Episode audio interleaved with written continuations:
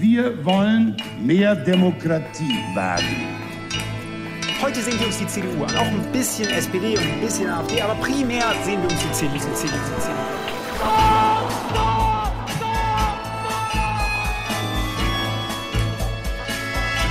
Niemand hat die Absicht, eine Mauer zu errichten. Ich weiß, ich habe heute Morgen in den Spiegel geguckt und dachte, wer ist denn die Hotte Bitch? Werden schon in wenigen Jahren blühende Landschaften, blühende Landschaften geworden sein. Früher waren wir Lametta. Wir haben so vieles geschafft, wir schaffen das. Halli, hallo. Dette er episode 111 av Tyskerne med Ingrid Brekke. og Kai Schwind. Som dere kanskje hører er vi ikke i studio sammen, men må møtes digitalt. Omikron-varianten herjer i begge landene våre, og nå på fredag ble også Norge kategorisert som rødt i Tyskland.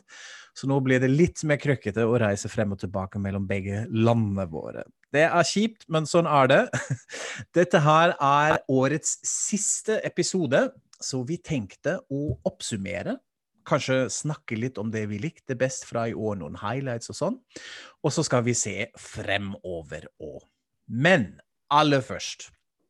I år er det 50 år siden Willy Brandt fikk tildelt Nobels fredspris. Den 10. oktober 1971 satt kansler Willy Brandt under et debattmøte i forbundsdagen i Bonn, ante ingenting. De skulle diskutere neste års statsbudsjett, men plutselig avbryter presidenten debatten og kommer med en kunngjøring. Han ble nettopp informert om at den norske nobelpriskomiteen har tildelt fredsprisen til herrn bundeskansler. Og så bryter jubelen løs i salen, folk reiser seg. Vi kan høre på et klipp fra selveste øyeblikket. Dette er tatt fra en dokumentar. Rett etter øyeblikket hører dere stemmen til Ruth Brandt kona til Willy Brandt, som beskriver hvor mimikkløs og stiv Willy tok imot nyheten. Meine Damen und Herren, ich unterbreche unsere Sitzung für einen Augenblick. Ich erhalte soeben die Nachricht, dass die Nobelpreiskommission des norwegischen Parlaments heute dem Herrn Bundeskanzler der Bundesrepublik Deutschland den Friedensnobelpreis verliehen hat. Da saß Willi wie aus Stein, ganz steif und nichts rührte sich in sein Gesicht. Und ich dachte, er freut sich und jubelt. Ne? aber irgendwie, er war ja oft so, wenn, wenn was ihm sehr, sehr bewegte, das sollte er nicht zeigen. Ja, Hun sier at hun trodde at han skulle le og juble, men han ble faktisk bare helt eh, stille. Og så sier hun at det var faktisk sånn han var. Når han ble veldig rørt, så kunne han jo ikke vise det. Men hva var det han fikk prisen for?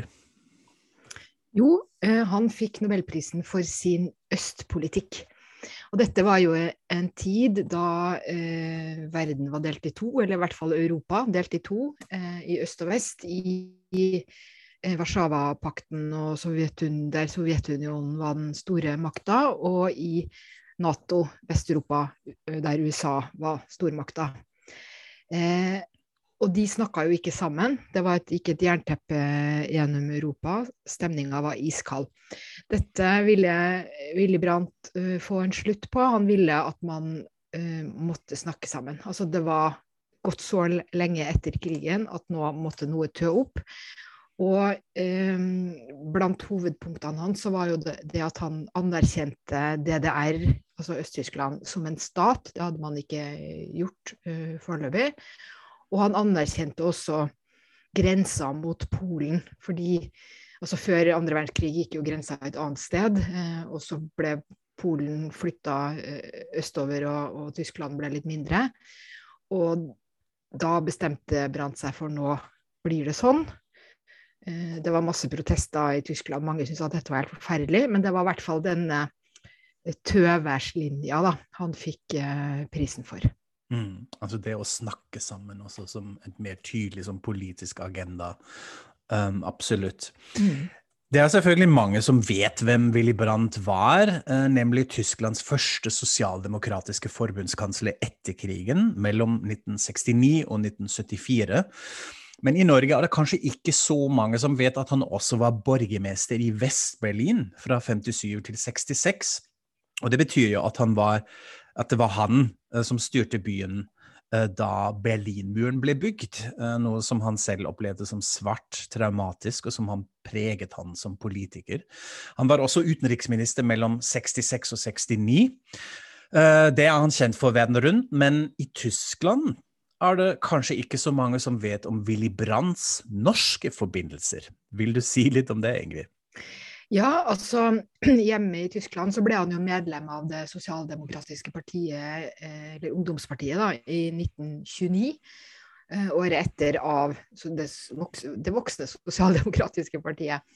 Men eh, dette var jo eh, like før eh, Hitler kom til makta.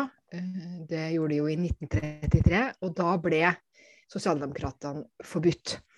Partiet bestemte seg for at de skulle drive undergrunnskamp mot naziregimet. Og Willy Brandt han eh, dro til Oslo for å etablere en migrantorganisasjon der.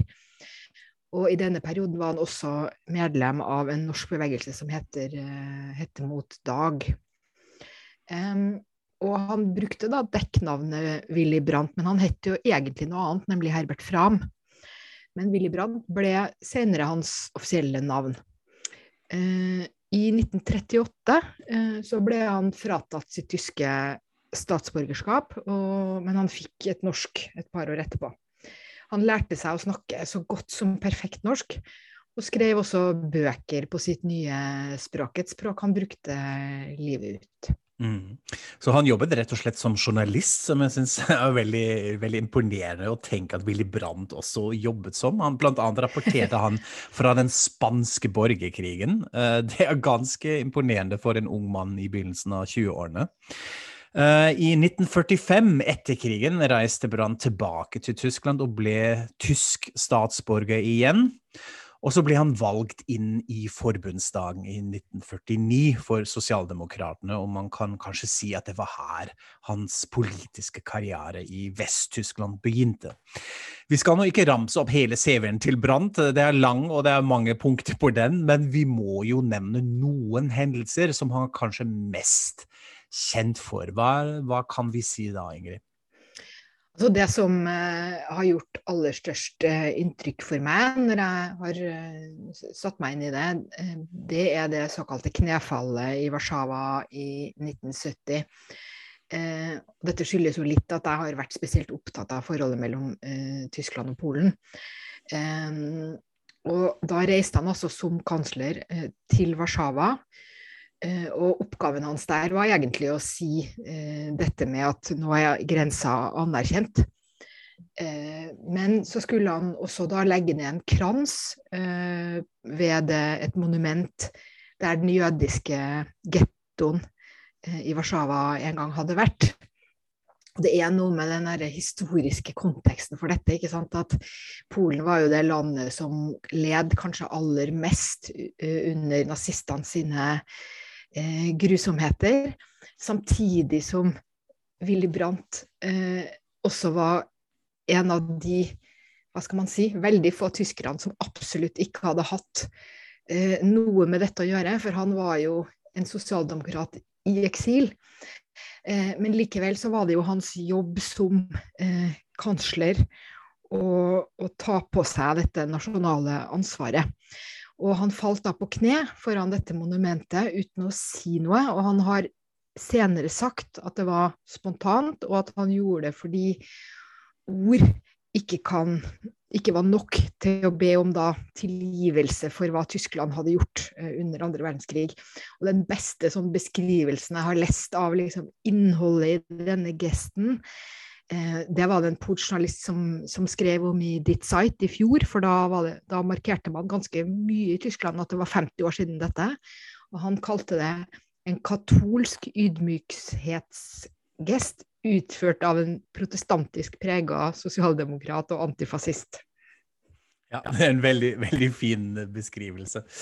Så oppsto jo en sånn liten debatt rundt som, som dukker opp igjen og igjen, hvorvidt dette var planlagt eller ikke at han skulle gjøre det. Jeg syns ikke det er så relevant, det. Det er fortsatt en gest med stor kraft. Og også i Polen husker man jo dette, og det er jo kanskje også det som er viktig, ikke sant? Ja, og så er det noe med at dette er så lite politikeraktig. Altså det der at man ikke bruker ord, men at man på en måte overgir seg til, til øyeblikket på en måte man ikke helt kan ane konsekvensene av. Eh, det er en veldig spesiell måte å gjøre det på, og det hadde også en stor virkning. Det er jo en grunn til at vi fortsatt snakker om det. Mm, absolutt. Og at man unngår floskler og sånn, og man går rett på mm. betydningen på budskapet. ikke sant? Det, mm. det, er veldig fascinerende også i dag. Så Brann var jo sånn sett en forsonende politisk skikkelse, noe som han ikke nødvendigvis var i det private livet. Men alle kan vel bli enige om at han var en utrolig karismatisk person. Og dette hadde kanskje også noe å gjøre med hvordan han fungerte med mediene. Eh, som journalist kjente han jo til de mekanismene og logikken der.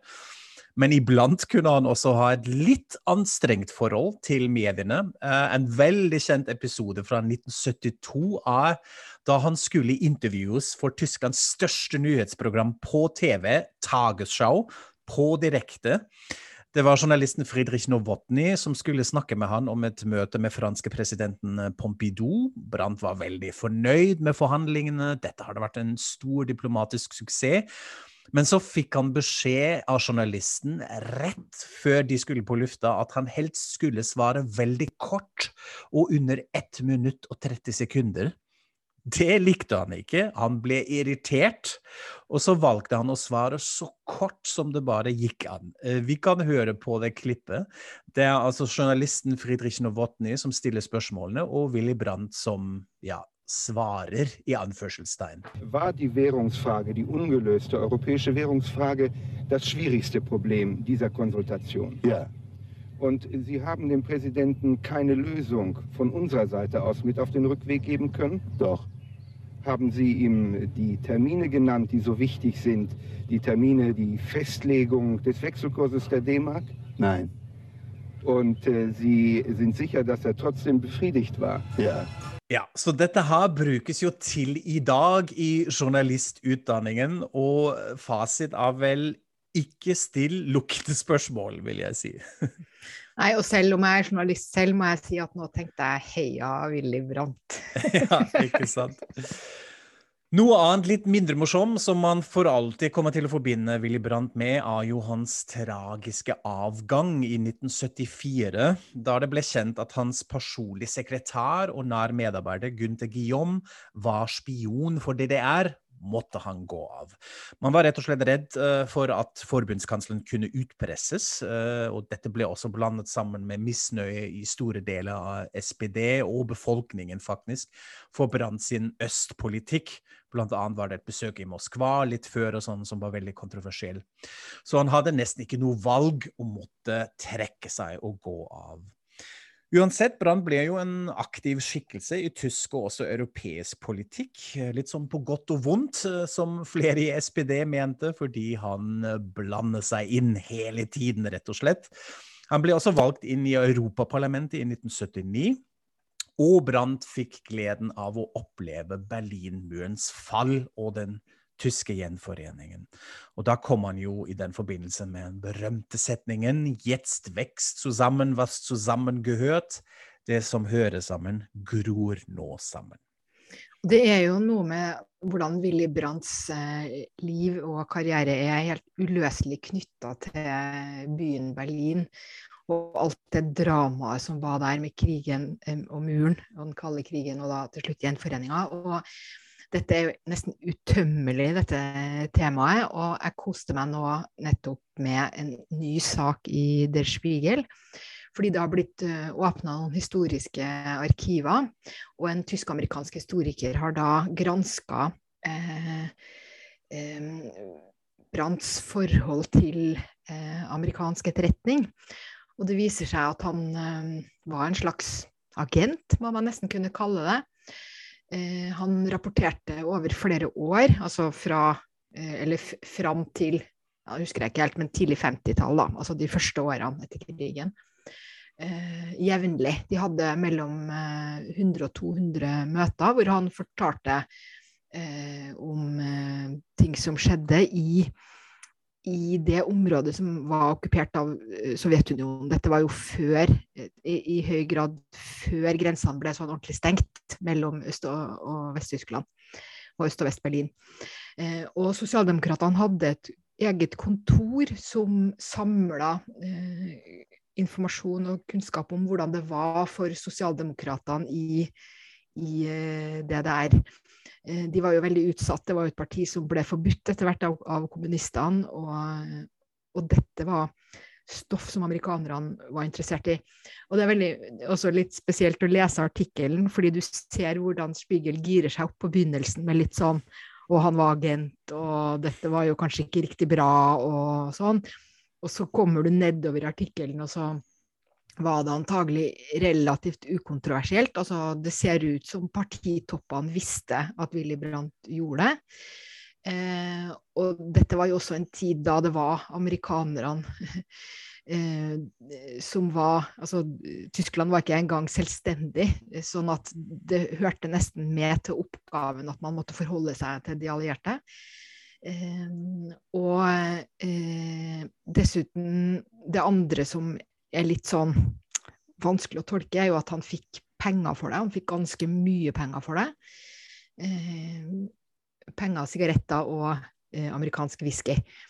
Eh, men også der så ser det ut som at han ga fra seg pengene og sigarettene til dette kontoret, da, som, som holdt på med sosialdemokrater i, i, dette området, sånn at heller ikke det egentlig var noe umoralsk eller uh, noe galt i at han tok imot, men whiskyen beholdt han selv, gjør det et, et nummer for han skal ha vært veldig glad i det. Ja, det tror jeg hadde også beholdt whiskyen. Det høres helt uh, rimelig ut, spør du meg. Ja, uansett, Willy Brandt eh, representerer jo som kanskje ingen andre det norsk-tyske eh, vennskap. Eh, og dette vennskapet manifesteres jo også i den norsk-tyske Willy Brandt-stiftelsen, som ble etablert i året 2000 som en del av Norges såkalte Tysklandsstrategi. Stiftelsen legger opp til politisk og hovedsakelig kulturell samarbeid mellom begge land. Og ikke minst deles det ut en pris hvert år. Og nå føler jeg meg egentlig veldig beæret, fordi jeg får jo lov å lage podkast med en ekte Willy Brandt-preistreger, nemlig deg, Ingrid Brekke. Du fikk prisen i 2017. Hvordan var det? Nei, det var stor stas, det. Selvfølgelig. En ære. Eh, og utdelinga skjedde jo i Berlin, og jeg fikk middag og en flott sånn eh, byste som Nils Aas har lagd av, av eh, Willy Brandt, og diplom og alt. Og jeg fikk da denne prisen eh, sammen med en båt. Det er nemlig alltid, alltid én på norsk side og én på tysk side som får prisen. Og denne tyske eh, prisvinneren denne gangen, det var da seilskipet Tor Heyerdahl. ah, ok. Hva er det det skipet gjør? Hva er fortjenesten til skipet? nei, det bidrar også til norsk-tyske forbindelser. Da. Det er jo det man sier er begrunnelsen for prisen. Mm. At, ja.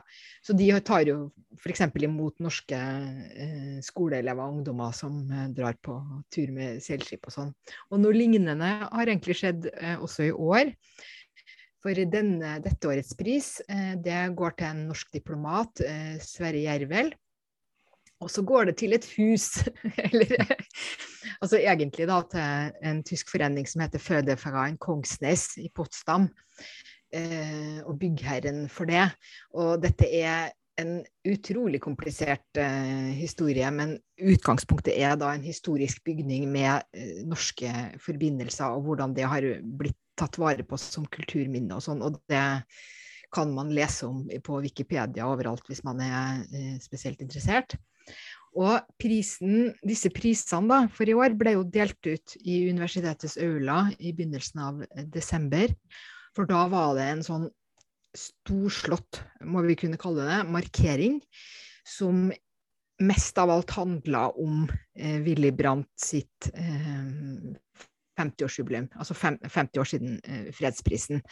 Og i tillegg så uh, ga man ut uh, disse prisene for i år, og også Willy Brandt-prisene Eh, for i fjor, som jeg bare vil nevne fort, for jeg syns de er så veldig fine. For det, da gikk det nemlig til én norsk skole og to skoler i Berlin. Eh, altså én skole i Oslo og to skoler i Berlin.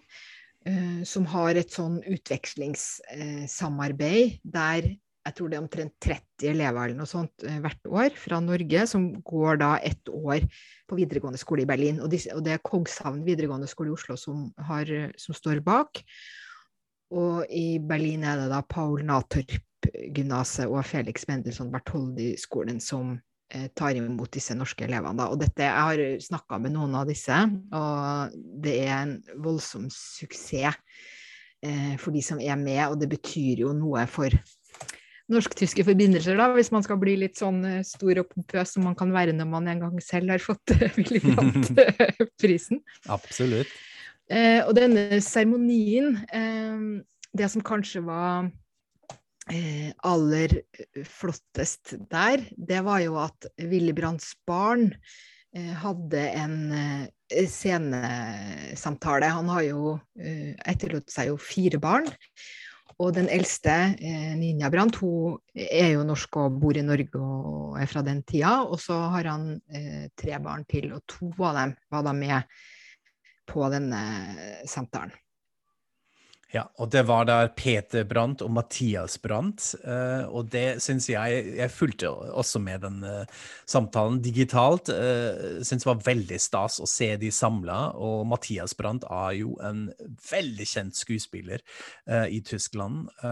gjør veldig mye. Også en veldig god skuespiller, syns jeg, som er veldig fascinerende. I Norge kjenner man kanskje aller mest fra Babylon Berlin, hvor han er med. Men så var han også med under den samtalen, som forresten ble ledet helt strålende av Erik Fosnes Hansen, som da briljerte igjen på to språk eh, mellom eh, Ja, med, med, alle barna. Jeg tror alle snakker norsk, men kanskje ikke så på sånn måte at man vil gjøre det sånn, sånn offentlig. Um, så det var veldig stas, og jeg syns også det var veldig interessant å få litt sånn litt sånn detaljer rundt hvordan det må ha vært å ha Willy Brandt som far, da spesielt fra Peter Brandt, som er jo historiker i dag, men uh, på slutten av 60-tallet, altså da uh, Willy ble forbundskansler, så var han 20-årene og en glødende 68-ere, studentrebell, uh, som fortalte deg litt om disse diskusjonene som man hadde, kunne ha i hjemmebrant iblant. Fordi selv om uh, Brandt var selvfølgelig um, ganske åpen for de holdningene, eh, så var det litt for radikalt for han det òg, å være en sånn 68 rebellstudent med langt hår på den tiden. Så det var litt, eh, var litt morsomt eh, å høre og få vite noen sånne detaljer rundt det der. Og så var det ganske rørende da Ninja Brandt leste opp brev eh, som hun fikk fra faren sin eh, da han flytta tilbake til Tyskland, og hun ble værende igjen i, i, Norge. Det var ganske sterkt. Og jeg kan bare anbefale folk å gå inn og se det selv, fordi det ble tatt et opptak av uh, møtet som Willy Brandt-stiftelsen uh, altså tok et opptak, og det kan vi legge ut også på, på uh, vår side. Så må jeg bare si en morsom ting òg, som Erik Fosnes Hansen påpekte, nemlig at Willy Brandt, han, i begynnelsen, da han kom til Norge og var journalist, så brukte han faktisk flere pseudonymer, og ett han brukte, var jo Gunnar Gåsland. Så tenkte jeg, hvis han hadde valgt å kalle seg det i stedet for Willy Brandt, eh, så hadde man kanskje hatt tysk kansler som het Gunnar Gåsland. det syns jeg var veldig morsomt.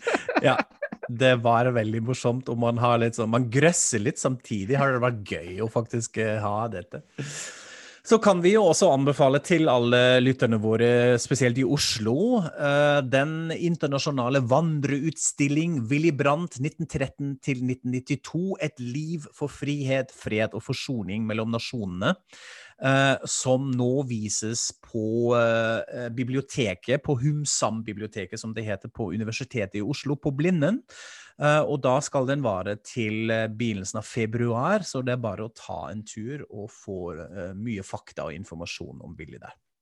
Og én ting til må jeg bare si som jeg kom på, og det er noe jeg aldri hadde hørt heller. Det at Willy Brandt var jo AUF-er eh, i sin, sin, unge tid i, i, Norge. Og han er på en måte da verdens mest berømte AUF-er, kanskje, må man jo kunne si.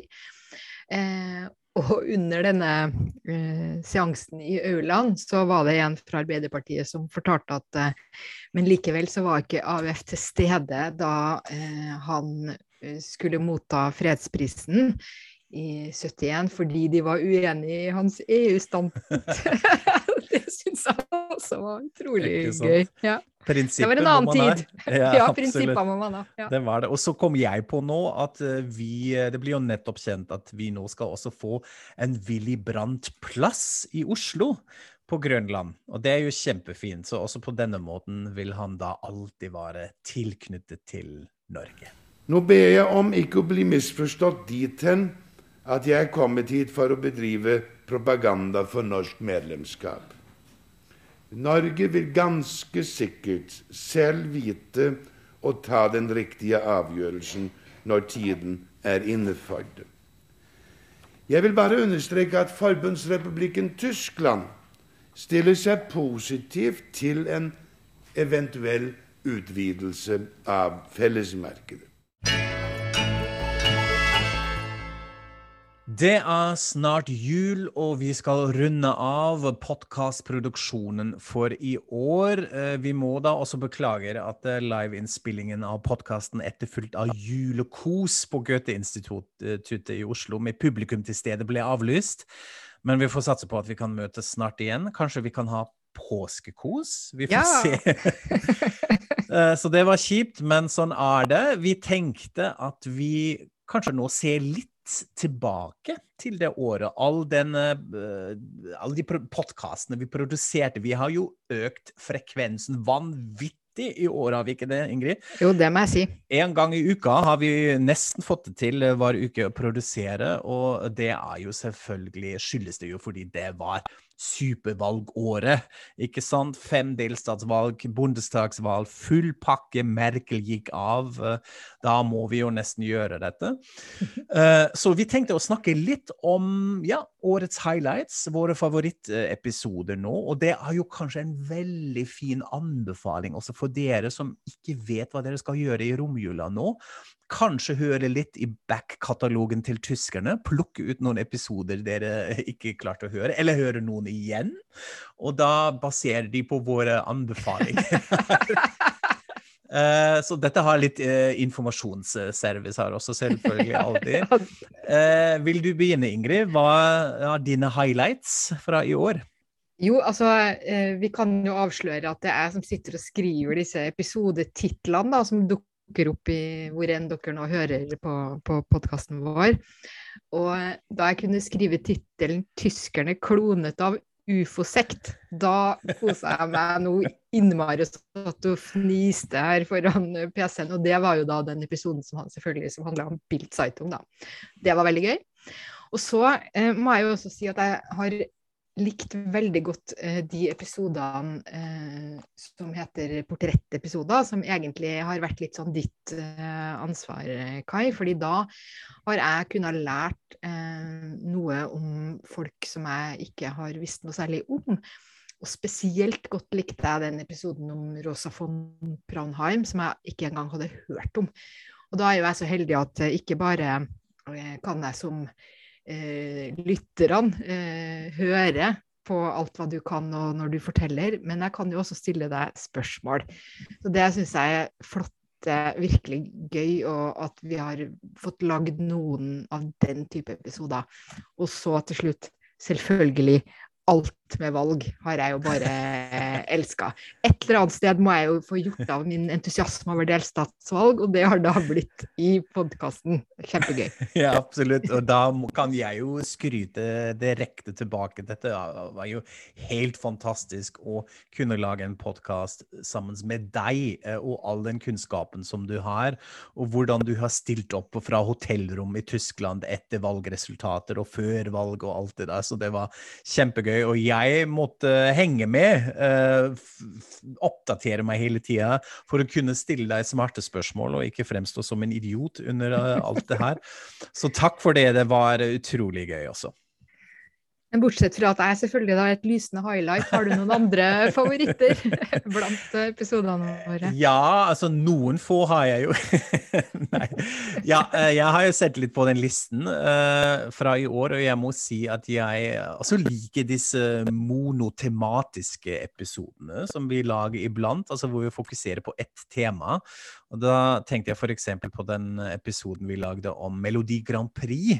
Eurovision Song Contest-episode, episode 88, mm. ikke sant? Hvor vi spilte gamle tyske slager-highlights og noen lowlights uh, gjennom tidene. Tyske bidrag til Grand Prix. Dette var veldig gøy, og det engasjerte også dere, lytterne. Da fikk vi en del tilbakemeldinger uh, rundt det der. Eller også en episode vi lagde om fenomenet tysk autobahn hva er det med tysk autobahn? Jeg liker jo noe sånt òg, når man sånn tar for seg sånne sosiokulturelle fenomener som prøver å se litt uh, i kulissene av hva er det som utgjør en mentalitet, ikke sant? Og det med kunne skrape litt på denne myten, hvis man kan si det, av tysk autobahn. Det syns jeg var, var veldig gøy.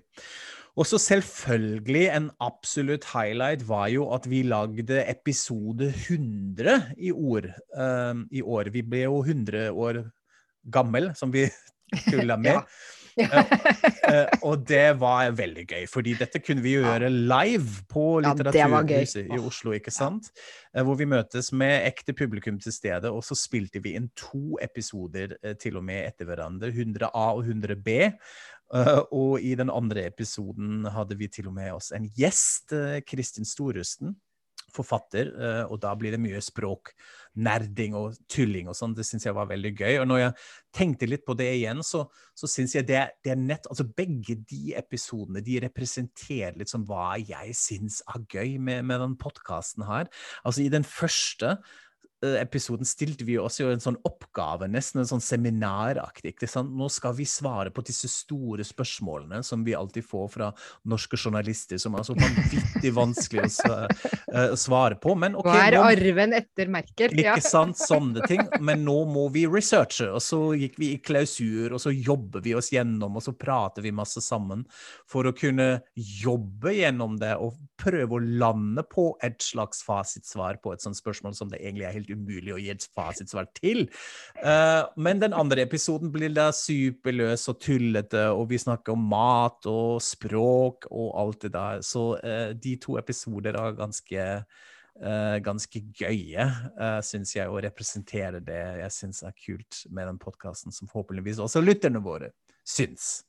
Ja. ja. og da har jo dere som hører på nå, fått et skikkelig innblikk i vårt hemmelige liv. Hvordan vi driver på bak kulissene, nemlig at vi lar oss begeistre av oss selv og hverandre. Ja. og det tar aldri slutt. Og det har vi tenkt å fortsette med. Og ja. siden det er nytt år, så skal vi jo legge noen nye planer, og vi tar veldig gjerne mot forslag, innspill, tanker.